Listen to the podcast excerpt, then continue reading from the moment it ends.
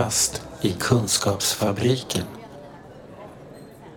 Alexandra Charles, ordförande i 1,6 miljoner klubben. Det är ju viktigt när man eh, söker eh, på nätet. Det är en eh, ideell kvinnohälsoorganisation och vi fyller faktiskt 20 år i år. Så det är extra roligt att få berätta om organisationen som jag faktiskt har varit med och, får man säga, är ansvarig för. Jag har byggt upp den från början, inte ensam utan eh, det är ju ett samarbete, en, grupp, en stor grupp kvinnor som har hjälpts åt på olika sätt. Men eh, någon ska ju ändå vara den som är kapten så att säga och som driver det framåt. Det, det var väl ett, ett intresse som, som man, på sätt och vis kan man säga att det, det kom naturligt för min mamma hade dessvärre lite olika hälsoproblem. Och eh, hon, som ung fick hon reumatisk feber och sen hade hon, hade hon svåra allergier. Och eh, sen så, ja, både artros och reumatism och så vidare. Så att hon hade jättesvårt när hon blev äldre och eh, jag följde med henne till olika läkare och var väldigt frustrerad över att eh, för det första så tyckte jag att eh, som äldre kvinna hon då var att hon inte fick den uppmärksamhet, respekt eller vad man ska kalla det för som man kunde vänta sig och hoppas på. Och för det andra så hade de specialister som hon kom till hade ingen kontakt med varann. Så att jag blev mer och mer frustrerad. Jag hade ju inte tänkt igenom hur jag skulle kanalisera mer än att min, min ilska och min, min, eh, min besvikelse över att det var på det här viset. Eh, så jag tänkte att eh, ja, jag tänkte väl att vad kan man göra åt det mer än tala med dem då som hon träffade, att tala med eh, vårdgivare, att tala med så småningom hon flyttade till ett äldreboende, dessförinnan med hemtjänsten, Eh, och så med biståndshandläggarna. Ja, jag har ju förstås pratat då med alla. För att, eh, inte för att mamma inte kunde prata för sig, för det kunde hon. Men ju äldre hon blev desto svagare blev hon och desto mindre ork fanns det. Så att då var jag där som äldsta dotter och ryckte ut. Och eh, försökte hjälpa till. Men så småningom i alla fall så, så, fick jag en dag en inbjudan av en väninna. Hon sa, jag tycker du ska gå på ett föredrag på Läkarsällskapet som, heter, som handlar om kvinnors hälsa. Och där är det spännande att lyssna på. Så jag gick dit och mycket riktigt så var det ju oerhört eh, intressant och engagerande. Och det var två, framförallt kvinnor, som jag fäste mig vid. Det var Karin Schenk Gustafsson. Då var hon docent, eh, sen blev hon strax efter det professor i kardiologi. Och hon var den som berättade för oss i publiken, och vi var ganska många den där dagen, att främsta dödsorsaken, som vi alla trodde var cancer, för hon frågade, vi räckte upp handen och sa ja, det är klart det är cancer. Nej, sa hon, det är hjärt-kärlsjukdomar. Och det som är problematiskt med det, det är att när det gäller kvinnors hjärtan så är de inte utforskade därför att man har utgått ifrån att ett hjärta är ett hjärta. Det räcker med att forska på mannens hjärta. Det är enklare så, det är billigare så. Eh, givetvis så tänker man också att kvinnan kan bli gravid och deltar i studier. Då får man avbryta studierna och så blir det komplicerat och så vidare. Så vidare. Väldigt opraktiskt. Och det här är nu 21 år sedan vi pratar om. Man hade för 21 år sedan, sa Karin, eh, börjat att uppmärksamma att det faktiskt var skillnader mellan kvinnans och mannens hjärt-kärlsjukdomar. Men det var en väldigt liten och initierad skara och krets där man uppmärksammade det här. Och så sa hon att det är dags nu att vi lyfter den här frågan. Att vi tillsammans går ut och eh, berättar att vi kräver att kvinnor ska få samma möjligheter som män när det kommer till det viktigaste av allt, nämligen vår hälsa. Så jag blev ju uppfylld av det här. Och självklart då så tänkte jag att det här, det här ska jag ägna mig åt. Så att från den dagen så, så, så har det varit så. Och det är nu 21 år sedan.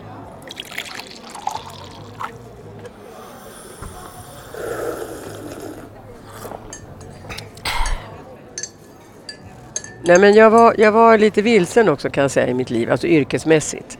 Därför att jag hade ju eh, under många år drivit restaurang och nattklubb och sen blev jag konsult. Och då konsultade jag för eh, ja, alla möjliga företag och organisationer men det var oftast lanseringar, premiärer, invigningar och det är inget, inget fel på det. Och det är ju, var ju, är ju spännande och roligt för jag är nyfiken av mig och eh, nyfiken på det mesta här i livet. Men jag längtade efter ett, ett djup och en mening i tillvaron. Och därför så kände jag att det här känns viktigt att engagera mig i. Jag känner att det här vill jag verkligen göra någonting åt. För jag gillar inte orättvisor. Det var skönt och det är skönt. Därför att många undrar vad, vad är det som driver dig? Och då känner jag det att jo, viljan att förbättra, viljan att påverka och att se och märka att faktiskt det lilla vi gör, det kan göra skillnad.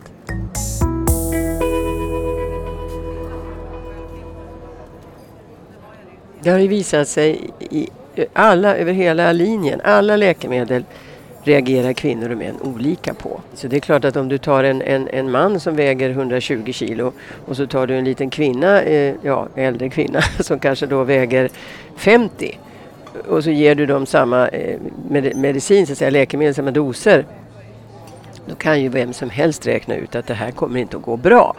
I stort sett borde ju vem som helst kunna räkna ut det, men det har man inte tänkt på heller. Men kvinnor får andra biverkningar på läkemedel, eh, alltså generellt sett, än, än vad män får. Och därför är det viktigt att ha med kvinnor i studier när du forskar på nya eh, läkemedel. Och det har man inte, hade man inte tidigare tänkt på. Idag är, är, är de flesta medvetna om och dessutom eh, övertygade om att det här är av betydelse, alltså det har betydelse. Jag kommer att tänka på en studie, nu är det väl ett par år sedan, men som jag läste eh, om angående stress i arbetslivet. Och eh, det var en fantastisk studie man, man redogjorde för eh, varför och hur, hur det uppstår och, och, vad konsekvenserna kan bli och sådär. Så att, eh, och så hörde jag eh, någon person som, som då var med i studien, eller som stod för studien som berättade om det här. Så då frågade jag hur många av de som ingick i studien var kvinnor? För det stod inte, det stod personer. Och då blir jag nämligen alltid lite misstänksam och frågar hur många kvinnor var med där? Ja, en svag rodnad spred sig och så fick jag svaret att eh, nej, det var ju bara män i den här studien. Och det rörde då stress i arbetslivet. Och då undrar man, men, men hur tänkte de då? De tänkte ju inte alls. Och jag tror inte att det var med några, alltså någon, eh, vad ska vi säga, dold agenda eller så. Att, att det var av illvilja, utan helt enkelt bara att man inte tänkte. Kafferast i Kunskapsfabriken. Du nämnde att vi jobbar, har jobbat mycket med kardiologi och det stämmer eftersom det är främsta dödsorsaken för kvinnan 50 plus och mannen 50 plus. Men vi jobbar mycket med psykisk hälsa sedan två år eh, aktivt i ett samarbete med Psykiatriförbundet. Psykiatrifonden heter de, tack, förlåt mig. Eh, och det beror på att eh, när vi tittar på sjukskrivningar som drabbar kvinnor så ser vi att majoriteten av dem står det psykisk alltså ohälsa som anledning och då är det stress, utbrändhet i första hand. Sen är det ju en mängd andra diagnoser som följer också men det är det stora, stora problemet idag. Apropå stress i arbetslivet. Eh, så, då tänkte jag självklart måste vi ju engagera oss här och det vill vi ju ingenting heller än göra. För det här drabbar så många kvinnor. Så, så det är så viktigt och det, det fortsätter vi nu långsiktigt alltså att driva. Eh, vi hade en Mental Health Evening i oktober 2017. Det är ju bara en liten, ett litet led i det vi, det vi gör. Men det här gör vi ju för att vi vill synliggöra ta bort det stigma också som råder kring psykisk ohälsa. Många, många eh, är ju väldigt rädda för att, att erkänna eller att, att eh, berätta att, att man har Eh, Eh, problem, att man, att man inte mår så bra. Därför att vi har återigen sådana fördomar om allt som, som handlar om vårt psyke.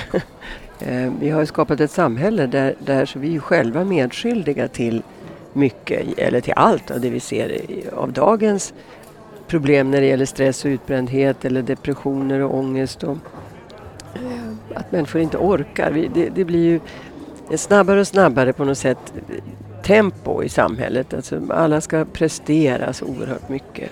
Och man ska vara med och man ska synas överallt, finnas överallt. Man ska hinna, jag menar, jag tycker det är jobbigt det här med, jag tycker det är kul med sociala medier.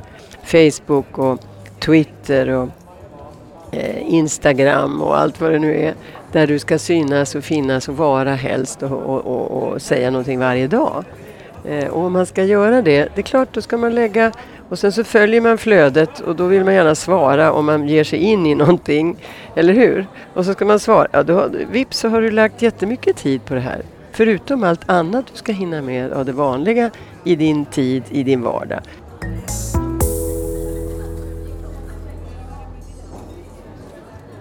Vi arbetar ju med eh, det här med givetvis äldres liv, äldres omsorg, äldrevård, eh, äldreomsorgen väldigt mycket har gjort eh, alltid, apropå ojämlik vård. För det är ju ändå så att, ja, ja, där hade jag också ett sånt här fantastiskt hemskt exempel. Mamma eh, drabbas av en stroke. Vi åker in med ambulansen. Det var väldigt fin adekvat hjälp i ambulansen. Så kommer vi in på akuten, så kommer vi in på akuten och där är det då förstås kö hur mycket folk som helst.